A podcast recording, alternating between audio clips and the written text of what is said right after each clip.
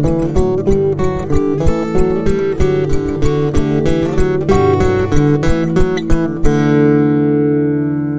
sann, hei sann. Det er en ny episode av Fredrikstad biblioteks podkast som er rett inne i deres ører her fra vårt bibliotek eh, mens jeg sitter i studio. Vet du hva? I dag får jeg det ikke til. Men uh, det går fint, for det, det er jo ålreit at det er litt sånn organiske starter også. Så eh, jeg vil jo bare få presentert eh, meg selv med en gang. Jeg heter Torbjørn, jobber her som bibliotekar på Fredrikstad bibliotek, og jeg har fått med meg min kollega Linda. Hei, hei. eh, Og vi er sammen i studio. Ja, hva syns du om introen min? Jo, nei, eh, fabelaktig. Altså litt humoristisk av det. Ja. Le av den der. Det det er gøy at du sier, for nå, eh, jeg har jo prøvd det et par ganger nå, men det går jo ikke alltid veien. Og det å være litt morsom i starten, det er jo noe jeg har lyst til å være, men jeg er jo ikke nødvendigvis alltid det. Så, men det bringer oss over på det temaet vi skal snakke om i dag. Og hva er det? Jeg tenkte tenkte har- vi skulle snakke om britisk humor. Perfekt. Hæ? Det, jeg, jeg elsker britisk humor, men jeg har lest overraskende lite. eh, For det er, eh, det er jo kanskje litteraturen du har tenkt å eh, se litt mer på i dag. Hovedsakelig, ja. Ja. Eh, for jeg har sett mye, eh, og det er vel også vanlig. Jeg tror NRK kjøpte mye fra BBC opp igjennom, så vi har sett uh, Hotellet særklasse, eller Faulty Towers som det heter, og eh, Blackadder, Sorte Orm, Mr. Bean. Jeg pleide å se masse på Høy på pæra. Ja, eh, hva heter den på engelsk? Husker du det? Ah, husker jeg faktisk ikke. Nei. Uh, den, hus den, den kjenner jeg ikke til. Hva er det den handler om? Uh, det er, um, det er hun Highest Bucket, vet du. Eller Bouquet, som er på Høy på pæra. Som tror hun er litt høyerestående enn det hun egentlig er. Veldig satirisk. Ja, gøy. Mhm. Ja. Nei, men eh, ja, Det er spennende, for vi har liksom alle et forhold til det. Ja, da Kanskje spesielt gjennom TV-skjermen, men eh, britene har jo skrevet eh, vært morsomme når de har skrevet i mange år, har de ikke, har de ikke det? Jo da, han kan gå ganske langt tilbake. Kan gå veldig langt tilbake, faktisk. Jeg tror ikke vi skal gå så langt tilbake som vi kan, for da, da kan vi holde på en stund. Men eh, du kan gå eh, Jeg tenkte jeg skulle gå litt tilbake til Shakespeare. Det er Shakespeare, ja. det, det er gøy, for man tenker jo på den store poeten og drama, dramaturgen, eh, og at det liksom er høykultur og alt mulig. At, eh, at skal, og humor er gjerne sett på som litt sånn trivielt og, og liksom tilgjengelig for massen og sånn type ting. Hvordan er det forholdet mellom der? Det som er litt morsomt, er jo at på sin tid så var jo ikke han høykulturell i det hele tatt. Det Han var jo en for massen. Eller det er klart, de høyere stående kom jo også og så på det, men teater var jo en sånn ting som var veldig tilgjengelig for de som ikke kunne lese. Ja, det Så det er klart det at eh, han har ganske bred humor, og ganske bred generelt sjanger eh, er veldig bredt hos Shakespeare. Fordi han skulle appellere til så mange. Det, det gir veldig mening, ja. Det, det er alltid gøy å få litt uh, um, Få rensket litt opp i de uh, forutinntakelsene man har, da. Ja. Det er det. Men eh, vi skal jo snakke litt om eh, den britiske humoren. Og eh, du hadde jo dette her på Bok og kaffe for litt siden, og da snakket du litt om kjennetegn på de. Skal vi kanskje vi bare skal ta og gjennomgå noen sånne kjennetegn? Ja. Hva vil du si er liksom en typisk Kanskje det mest typiske for den britiske humoren? Det mest erketypiske, Ja. det er vel ordspill. Det er vel liksom det som du ser eh, mest. Og det som er litt snålt, var jo at jeg hadde med meg norske bøker. Ja. Og det som er litt spesielt da, er jo at det, norske bøker eh, klarer jo ikke, eller norske forfattere, eller oversetterne klarer jo ikke så veldig lett å oversette britiske ordspill. Nei. Det er ikke så veldig lett å gjøre. Nei, det er akkurat det. Det er vel i, i seg selv ganske vanskelig. Mm. Når du har en dobbel betydning av et ord, så er det ikke sikkert vi har det tilsvarende ordet på norsk. Veldig ofte ikke. Nei. Så det, når jeg skulle ha det og snakke om det da, så måtte jeg faktisk gå til helt engelsk, engelsk eksempel. Jeg klarte ikke å finne noe norsk, egentlig, i det hele tatt. Nei. Men jeg tok eh, for Shakespeare, som sagt, han var jo liksom den store når det gjaldt ordspill. Ja. Uh, og han hadde en på tittelen sin, eh, på et komediestykke som han hadde, som het Stor ståhei for ingenting på norsk, Ja. som heter Much Ado About Nothing på engelsk. ja. Da skal jeg prøve å finne ordspillet. Er det, det en gøy Nei, jeg tror, jeg, jeg, tror ikke du tror ikke jeg klarer å finne det? Ikke med mindre du har, levde for, eh, for 400 år siden pluss. Nei, jeg, jeg begynner å føle at jeg drar på åra, men det er ikke så mye. Nei da, han eh, Nothing, Ja, det er jo greit å oversette til ingenting, ikke sant? Mm. For all del. Og det handler stykket om òg. Masse ståhei for overhodet ingenting for bagateller. Men noting, som uttales omtrent likt som nothing på den tida. Ja. Det betyr å overhøre. Ikke sant? Å spionere og overhøre eller overse, altså se ting som du egentlig ikke skulle hatt tilgang til. Få tilgang på informasjon som du ikke egentlig burde ha. Ah. Gjennom litt sånn sneaky, eh, litt sånn eh, under, under bordet-ting. Eh, og det handler boka i veldig stor grad, altså stykket i dette tilfellet. Så det er et dobbel betydning av nothing og noting. Stor ståhei for ingenting, ja, men også stor ståhei på grunn av at folk er for nysgjerrige, ikke klarer å bry seg sjøl.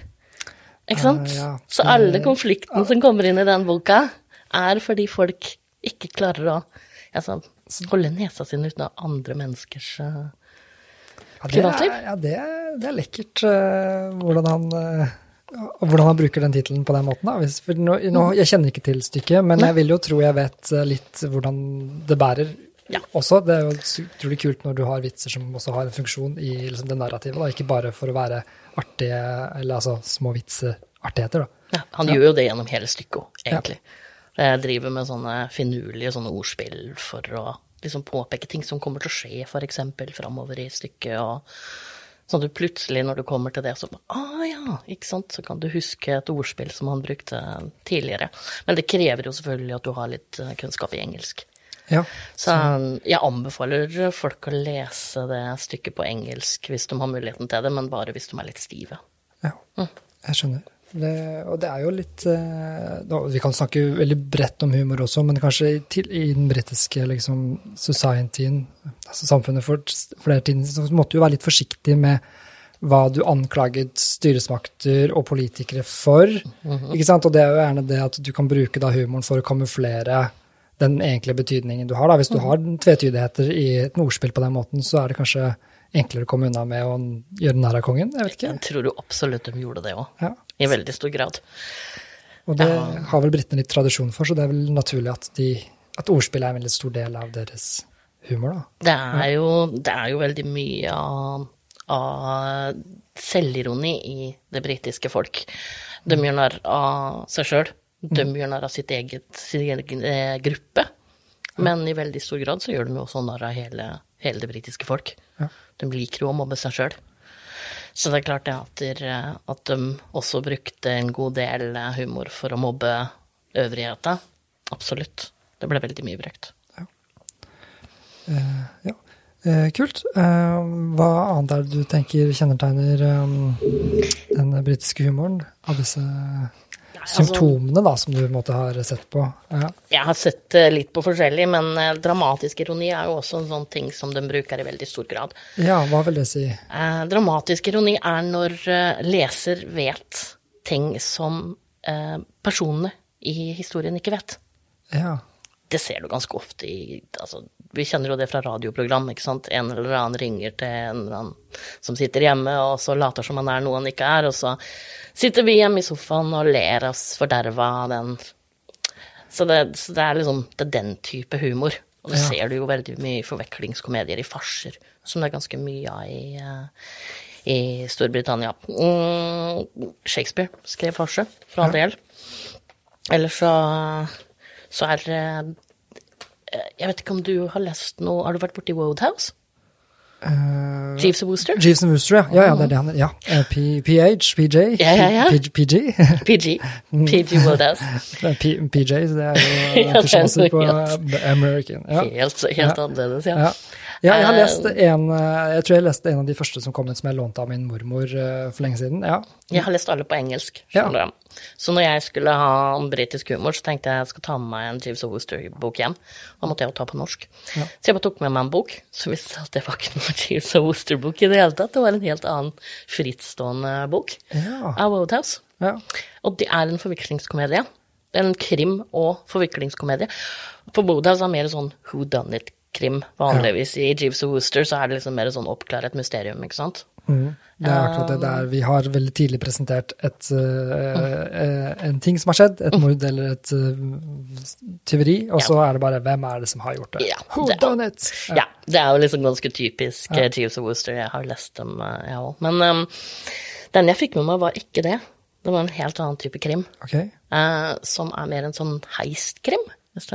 Sånn tyverikrim er altså at um, masse mennesker er i ferd med å, å ja, drive med noen kriminelle handlinger, stjele litt. Uh, I dette tilfellet så dreier det seg om et brev som har kommet på avveie, som en mann veldig gjerne vil ha tilbake. Som befinner seg på, et, uh, på en fransk herregård villa av noe slag. Og så får han ender han opp med å få noe, en amerikansk idrettsmann, blant annet, og dattera si drar han med seg dem til, uh, til, Frankrike for å prøve å få tilbake det brevet. Så viser det seg at det er et par litt sånn halvtomsete tyver som også skal inn på det villaen. Men de skal ha tak i juvelene til madammen som bor der. Ja, Så det er to forskjellige ting som skal, to forskjellige ting. Som skal oppnås på samme herregård? Ja. Og det er bare det vi vet om, for det viser seg etter hvert ute i historien at det er ganske mange mennesker på den herregården som plutselig ikke er den de sier at de er, og som har litt eh, planer utenom det vanlige. Mm. Og det her er en sånn klassisk farse. Ja, og, og da er det fordi at vi som lesere, vi er innforstått med at Mm. At uh, de hovedpersonene vi hører om, har en annen agenda enn det de presenteres for. Ja, ikke sant? For da får du mm. den der kontrakten at, at vi som leser har mer informasjon, da. Ja, ja. Spennende. Hva het, hva het boka igjen? Så, høk over høk. Høk over høk, ja. Mm, ja. Skrevet i 1932, ja, den, en gammel bok. Den føler jeg at jeg har sett uh, en uh, opptakskassett av hjemme, som sikkert er en eller annen norsk teateroppsetning av den samme, da. Ja, det kan jeg tenke meg. ja, for det er jo klassisk farse. Farse det egner seg veldig godt for teater, så jeg kan godt tenke meg at den kan ha blitt satt opp, ja. Det er hovedsakelig en bok, men det som er litt, synes, jeg syns var litt fin med den, det var at uh, ja, du har den dramatiske ironien, liksom at vi vet mer, men så har du også at her er krim. Ja. Og da er liksom hovedsaken at du ikke skal vite.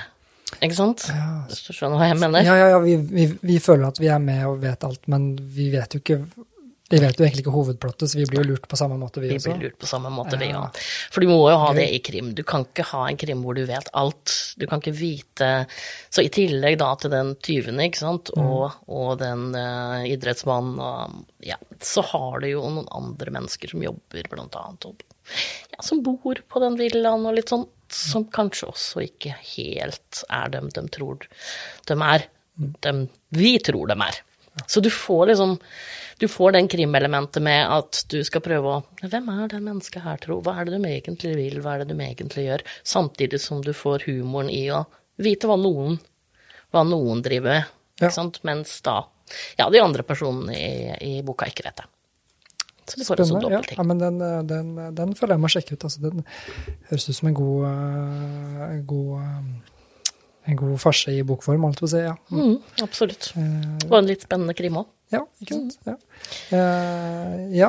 Skal vi rase videre på flere humorsymptomer? Ja, ja, ja. Uh, tørr.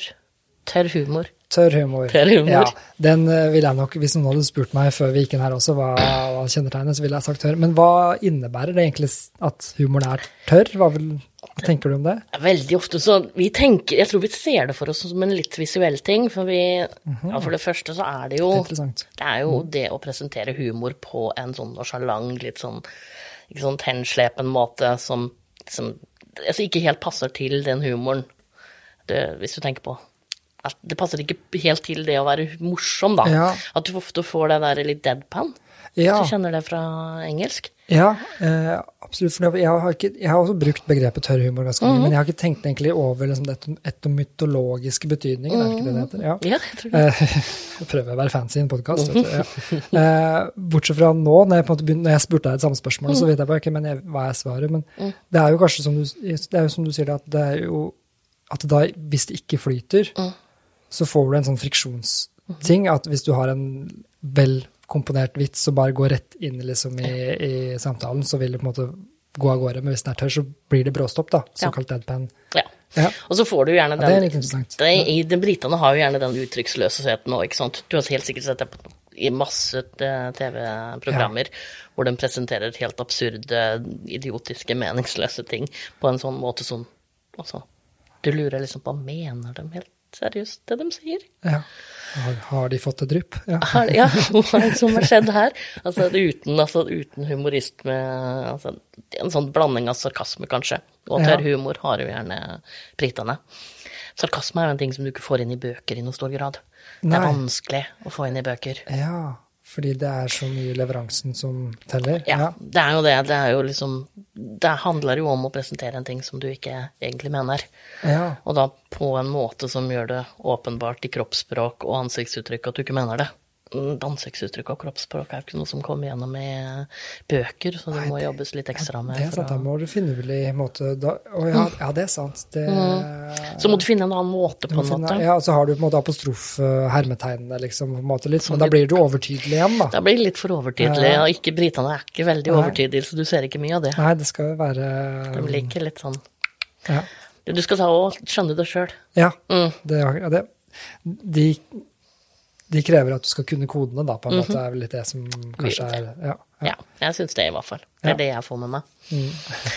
Så, Har, du, har du noen tørre bokforslag, eller? altså, den tørreste boka jeg var borti, eh, tror jeg, som jeg også leste i forbindelse med at jeg skulle, skulle ha det her, Mm. 'Tre menn i en båt'. Ja. Eh, Den har Alexander snakket mye om. Ja. ja. det er, altså, den er kjempemorsom, men det er noe sånn merkelig sånn en reiseskildringshumor. ja, ja Bortsett fra ikke vanlig sjanger. Nei. egentlig ikke er det, for det begynte som en reiseskildring. Han skrev jo en reiseskildring eh, etter at han hadde vært på bryllupsreise. Eh, Og det skulle være en helt seriøs reiseskildring, og det for all del. Eh, Boka har reiseskildringselementer som ikke er noe morsomme i det hele tatt, eller som er veldig seriøse. Som ikke har noe med resten av det å gjøre. Men det han gjorde, var at han erstatta kona da, på den reisen her sånn med to kamerater. Som Ja. faktisk eksisterte. Ja. Eh, og en hund som ikke eksisterte. Så det er tre mannfolk og en hund på båttur opp Themsen. Det er et godt premiss. Det er et godt premiss. Og hvis du tenker på at det også dreier seg om litt sånn professortype mannfolk her, sånn Ja, som når er vi i cirka ja. Nå er vi på slutten av 1900-tallet. Ja. 18, eh, nærmere 1890. 1900. Ja, mm, Ja, 18, ja, 18, nærmere 1890. ja. Eh, og det er snakk om sånn professortyper her, altså litt sånn veldig intelligente for alt det, eller veldig intellektuelle og vel beleste og sånn, men som ville sulte i hjel ved siden av brødboksen, vet du. Som Ja, ja, ikke akkurat Brukt- er eh, praktisk anlagt. De har brukt alle sine ressurser på å bli så sinnssykt gode på én liten Ja. snever ting, og så er det sånn alt annet har bare blitt nedprioritert da, så lenge. Ja. Ja, så da, så da får du liksom du får begrep, I tillegg så er han veldig til å skrive seg ut på en sånn tangent. Jeg vet ikke om du har eh, vært borti noen sånne folk som begynner å fortelle en historie, og så kommer det alle morsomheter som er eh, assosiert med akkurat den lille historien de eh, forteller. Jeg har noen venner som er sånn. Ja, jeg kjenner noen sånne, jeg òg. Tydeligvis har de skrevet en bok. Ja, kanskje noe britisk blod, da. På en, Ja, det må være noe sånt noe. Nei da, så det, så det blir veldig lange sånne humoristiske sånn, ja, utenomsnakk om ganske mye småting. Ja. Veldig vellykka, veldig morsomt for øvrig, men det blir en litt spesiell bok, for det blir litt sånn eh, whiplash, hvis du skjønner. ja Sånn, at du får et sjokk. nå er det veldig seriøst. Ja. Og så plutselig så kommer det en sånn lang fortelling om en eller annen sånn liten eh, detalj som han har oppdaga på det stedet han er, f.eks. Som blir fryktelig morsom.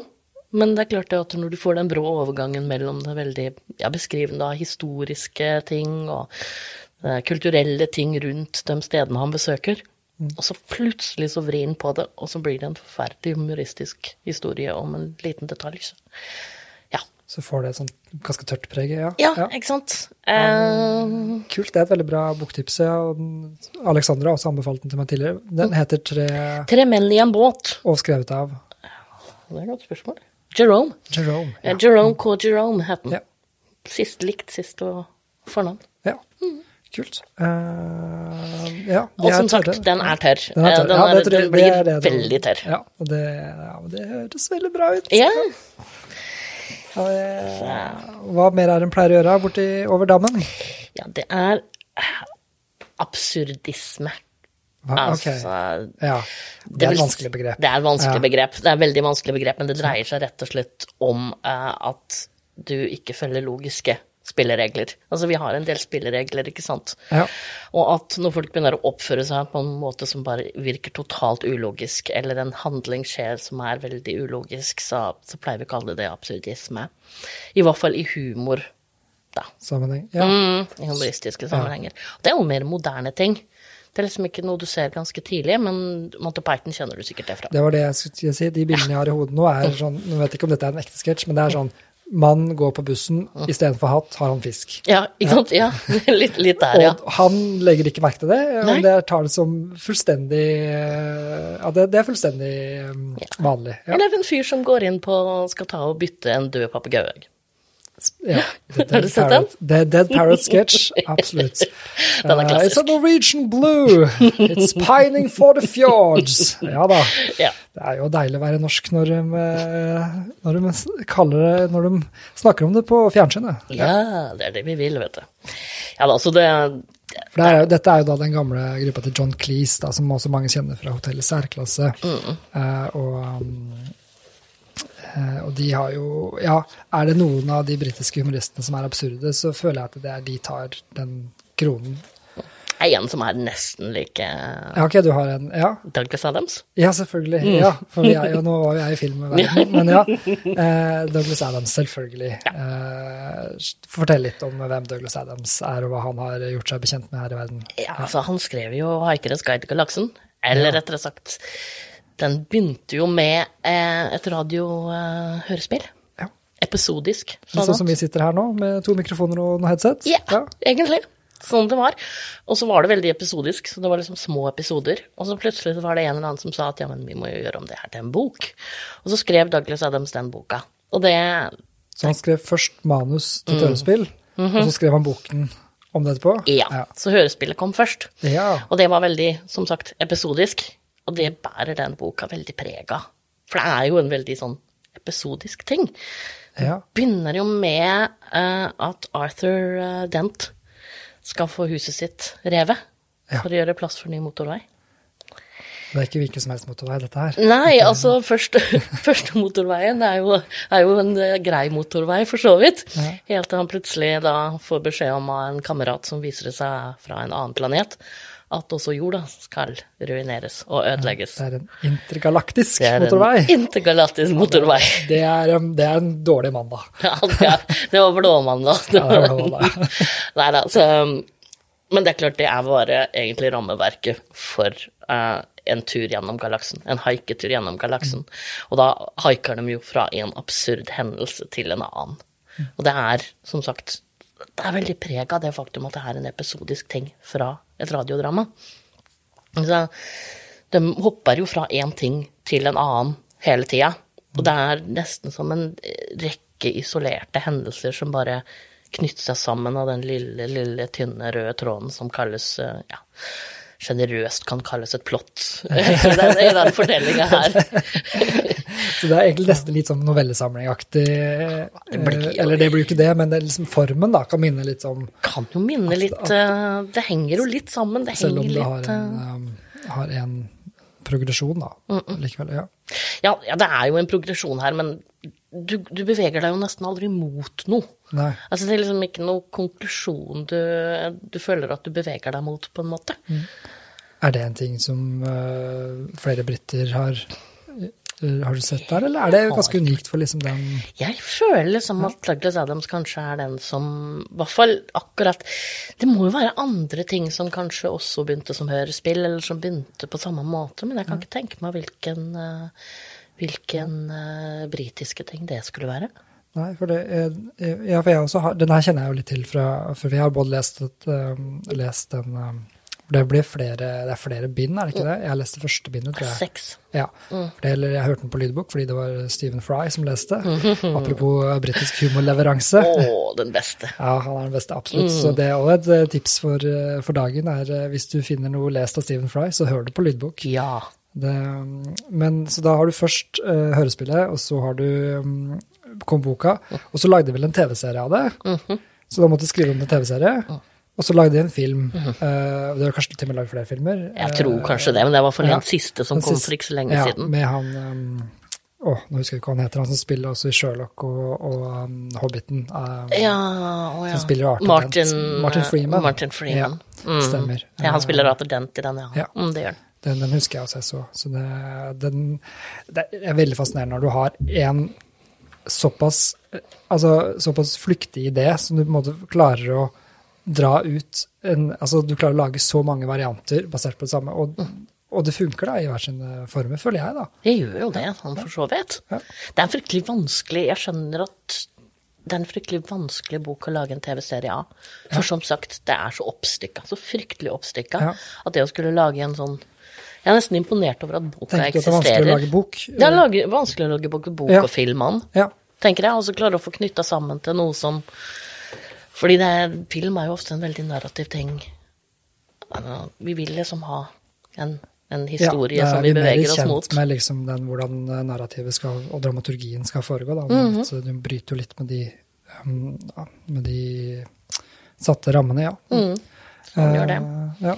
ja, men kult. Det er et bra tips på absurdisk uh, britisk humor. Uh, Absolutt. litt, ja, Mm. Yes. Og da får du også litt det tørre. Det vil jeg tro. Ja, for det er jo ikke sånn at disse tingene isolert altså det er sånn Enten har du en eh, Altså den britiske humoren er jo sammensatt, ikke sant? Ja, ja, Det er det som er poenget, at vi bruker litt av alt hele tiden og lager et fint sånt uh, Five Spice-mix-krydder, liksom. Uh. Stort sett er jo sånn det fungerer. Så det, det her er jo ting som du ser i ganske mye Mange forskjellige humoristiske serier. ja. Så, så Og, og så liker han å jobbe veldig med de gjenkjennelige. Ja. Altså, mm. Så ja da, men jeg har Du har et par til? Jeg har et par til, jeg.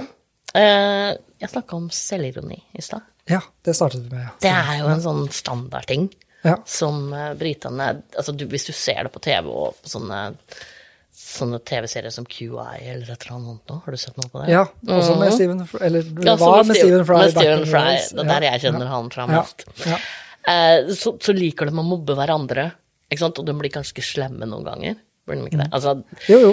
Det kan være ganske Det kan være ganske bitende. Jeg har tenkt på det som liksom utenforstående, på en måte, at dette er jo Altså, dette er harselering. Altså, hadde, Ja. ja. Ja, Hadde Bård eller Harald gjort det samme, så hadde de jo fått høre det, for å si det sånn. Men Ja, ja. her er det jo, går det jo bare videre. jeg syns de, synes de kan bli veldig slemme og veldig skarpe, men det er helt tydelig at de tåler det. Mm. Jeg tror det har litt med den selvironien å gjøre. De er veldig sånn De liker å harselere med seg sjøl, de liker å være litt slemme med seg sjøl. Da tåler de kanskje litt mer.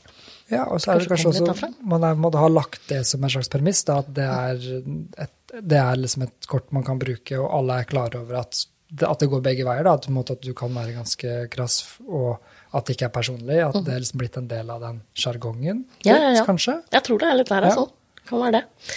Men de er i hvert fall veldig selvironiske, og de, eh, de har jo faktisk en egen eh, Om det er typisk, om det er, kommer fra Storbritannia, men det er eh, en eh, type komedie som heter Comedy of Manners. Har du vært borti før? Nei, dette vet jeg ikke jeg. Tenk høy på para, så, så har du Ja. en litt sånn idé om hva det dreier seg om. Det er når du mopper sånn det over, altså, eh, overfokus på det overfladiske. Som Ja. overklossen veldig ofte Ja, ja, var, eh, og borgerskap og sånn var veldig sånn fokusert på at du hadde riktige manerer, og at du kjente de riktige menneskene og snakka det riktige språket, og du vet åssen det er. Det er litt sånn som når Trond Kirkevåg har den derre eller den derre um, Hei sann, Montebello! Ja. Når han som skal dra på den derre Oi, her har vi Ikke sant? Ja. ja. Ja, altså, altså det, det ble veldig mye sånn dømming folk Da dømmer folk for det overfladiske, da. Ja. Altså sånn Du ser pen ut, du har mye penger, eh, du tilhører mitt eh, samfunnslag, du er ålreit. Liksom. Og så gadd man ikke å se under det, da. På en måte. Det er jo gjerne det man liksom da mobber, på en måte. Ja. Og det et godt eksempel på det er jo Emma. Emma. Jane Austen. Ja Skrev i Å, det vet jeg 1815. Ja, Ja, Så ja. da går vi litt langt tilbake Ja. igjen. ja, ja, ja. Kan hoppe litt. eh. Ja. Ja, så, så hun skrev jo en Det var jo en av de ganske tidligere sånn klassiske Comedy of Manners, Mm. hvor hun eh, da Hvor du har eh, Hun sa, tror jeg, før hun skrev den boka, at nå skal jeg skrive en bok om en heltinne som ingen andre kommer til å like enn meg. ja. Ikke helt sant. Ok, Nei, men, hun har en litt sånn antihelt Um, Emma Woodhouse er ikke en veldig lettlikt person i bok, vil jeg si. Nei. For hun er jo fryktelig overfladisk og rimelig bortskjemt. Eh, Og så har hun da overbevist seg sjøl om at hun er Kirsten Giftekniv av gangs. Så har hun fått en, litt, en, en ny venninne av litt sånn lavere byrd, som hun da skal være snill med og gifte bort på, da. Ja. Det var snilt. Ja, det er veldig koselig. Men du kan liksom se for deg at en ung dame på 23 på den tida, som var veldig overfladisk og hadde en tendens til å dømme folk fra utseende og ja, hvor mye penger de hadde og sånn, så er det ikke sikkert at hun treffer på personligheten, kjenner jeg. Nei. Jeg vil også tro det er visse utfordringer der, ja. Ja. Det er liksom der, og det er jo der konflikten i den, den boka kommer inn. Ja. At, altså det er jo faktisk en av de mindre romantiske bøkene hennes, vil jeg si. Altså det er romantikk i boka, for all del, men det er mye mer ganske krass samfunnskritikk inn, egentlig. Og der kommer jo selvironien i den, fordi uh, Jane Austen tilhørte jo faktisk det samfunnslaget. Ja, Ja. så den, den, den karakteren hun skriver er selvironisk, men det er Nei. fordi at avsenderen, altså vi vet jo avsenderen så godt, så det blir en slags Ja, Ja. Og det er gøy. Selvironisk ja. på en måte Ja. på sin egen uh, samfunnslags vegne. Det er kanskje ikke sikkert hun hadde, den hadde kommet i den tiden i et annet land, da. Nei. Hvis ikke det hadde hatt den tradisjonen, kanskje. Nei, jeg kjenner det, den for du- svenske det går helt overklasseskribenter kanskje syntes det hadde vært vanskeligere å komme med en i 1850, når, eller når var boka fra? Eh, Den 1815. 1815? Ja, 1815. det er såpass, ja. Så det er ganske mange år siden. Ja. Jeg, jeg tror nok det ville vært litt vanskeligere, faktisk, ja. For det går jo faktisk helt tilbake til Shakespeare. Ja. den selvironien rundt og mobbing av overklassen og sånn.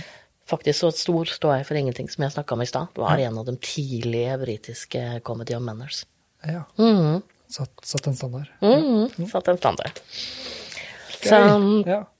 så det er jo eh, Jeg begynner å slippe opp for uh, Det siste jeg har igjen nå, er uh, banter. Banter. Og det ja. klarte jeg ikke å finne noe Det klarte jeg ikke å finne noe eh, norsk uttrykk for. Nei. Det er en sånn vanskelig Jeg fant noe sånn som skjømt og sånn. Jeg har aldri hørt om det, Det norske ordet. ord, nesten. Ja, ikke sant? Så det er lettere å bare forklare det, vet du. Men det Ja. er en litt sånn um, humoristisk, uh, leken måte å samtale. Du har Ok, sikkert sett ja. det på TV-serier eller noe sånt noe. Det er ikke noe sånn utprega britisk over det sånn i seg sjøl.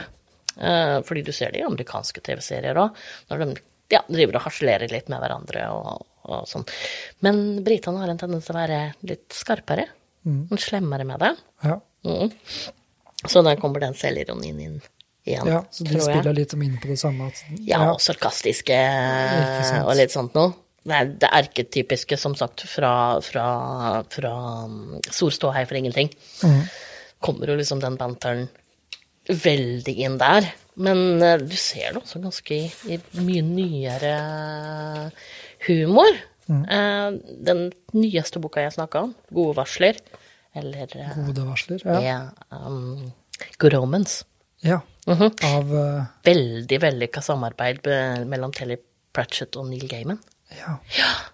Fra 1990. Neil Gaiman, det er han ja, tegneserieskaperen, ikke sant? Ja. Mm. Terry Pratchett er han som har Discworld-serien. ja. Jeg syns det er den beste bøk, boka de har skrevet. Altså, sammen, ikke bare sammen, selvfølgelig, for det er den eneste boka de har skrevet sammen, men av alle bøkene som de har skrevet, så er det min favoritt. Ja. Jeg syns den er knallbra. Men der har du veldig den banteren, fordi du har en engel og en demon. Eh, og de har vært på jorda i 6000 år. ja. Eh, uten kontakt med hver sin side, sånn bortsett fra samtale her og der. Eh, og selv om de altså, i teorien er fiender, så er det klart det er begrensa hvor lang tid du kan være sammen med noen uten å ja, utviklet en type vennskap. ja det jo, de har jo et fellesskap i og for seg at begge to er Ja. sendt fra utenfor. Ja, ja. ja de har liksom ikke så, da, ja. ja, de har ikke så mye til felles med resten av menneskeheten, Nei, de, de, de har en litt sånn forkjærlighet for oss òg. Ja. Syns at vi er sånn litt ålreite, litt stakkarslige, men eh, Og litt slemme. Men, men også litt ålreite. Og så plutselig da så får eh, den demonen Crowley får da beskjed om at eh, han skal plassere ut Antikrist. Antikrist. Og da drar han da hjem til Aristophale, som er engelen her. Eh, og forteller det her, så blir det jo åpenbart for begge to at, eh, at nå er eh, verdens ende på vei. Og så har de da blitt veldig glad i god mat og ja, ikke sant? Frynsegodene. Ja, frynsegodene. Eh, altså, ser for seg at eh, ok, evig helvete eller evig himmel, det blir omtrent like ille, føler de. Så, så de prøver da å stoppe uh, det her. Og så skal de da bytte ut Antikrist med å sende han til en, en ambassadørfamilie i USA. Ja. Og så viser det seg at han ikke blir sendt dit. Han blir bytta om én gang for mange, så han havner hos en familie på den britiske landsbygda. Og når han da er elleve år og skal begynne Armageddon, så blir det jo da åpenbart for både dem, engelen og demonen her, og alle himmelen og helvestes uh, herskare, at Antikrist ikke er der han skal være, og ikke gjør det han skal gjøre. Så da blir det en sånn uh, reise rundt for å prøve å, for å prøve å finne Antikrist så fort som mulig. ja. Mm. Men mellom Risafale og, og Crowley her, så har du veldig mye den typiske banteren. Den litt sånn stygge, litt sånn slemme, men også veldig morsomme. Ja, det vil jeg tro at de, går, de riffer mye på hverandre, og Veldig. smånegging, da. Altså sånn, at det kommer fra et sted av, av liksom eh, kjærlighet og liksom at man er glad i hverandre, men at man Ja, men at man slår litt. det, da. Ja. Ja, det er klart, og så de, har de mye å spille på av Ja. fiendskap. De Ja. har jo vært Det er jo de ultimate fiender. motstridende karakterene. Det er jo det. Det er godhet mot ondhet. Ja. Det er jo eh, ikke noe verre. Ja, det og de spiller jo veldig mye på det, at, eh, at Crowley til stadighet er bekymra for at han kanskje kan ha gjort noe godt nå. Ikke sant? Ja, så han har jo litt sånn Men altså, var det her Djevelen får angst for at bare, å nei, jeg har, jeg har gjort noe snilt. Og så, og så gjør de hverandre sånne søte lille tjenester noen ganger. Bare sånn der, nå skulle jeg egentlig ha frista en fyr borte, kanskje du tar deg av det? Sier han demonen, så skal jeg ta og gjøre noe snilt her borte for deg. Ikke sant? Så, så går det opp i opp. Ja. Så jo da, de, de har et litt spesielt forhold, de to. Kult. Mm. Nei, men eh, jeg må bare si tusen takk for veldig gode tips på britiske humorbøker som jeg ikke kjente til fra før av. Og at du, vi fikk sett litt på hva som er eh, kjennetegnet Noen av kjennetegnene da, på det. Det er selvfølgelig et Dette er Altså, jo et stort tema. Ja, vi skal ikke overnatte her, skal vi det? Nei, nei, ja, det er jo eh, Vi har jo allerede hengt opp dyner for å dempe lyden, så det er jo kanskje litt sånn der eh, Sånn som man gjorde da man var små, man bygde sånne borger. Ja. Ja, jeg føler meg litt sånn Yep. Isolert her, ja. Ja. Nei, men eh, takk skal du ha, Linda. Da, eh, fint å få vite litt om, eh, den, om humoren eh, i Storbritannia. Så til dere som er hjemme og hører på, eller om dere også har bygd dere et slott med puter og dyner for å dempe lyden når dere skal ta opp deres egen podkast, så høres jo vi igjen eh, brått, vi, vet du. Bare følg med på våre nettsider og i podkastappen du bruker. Ha en riktig flott dag videre.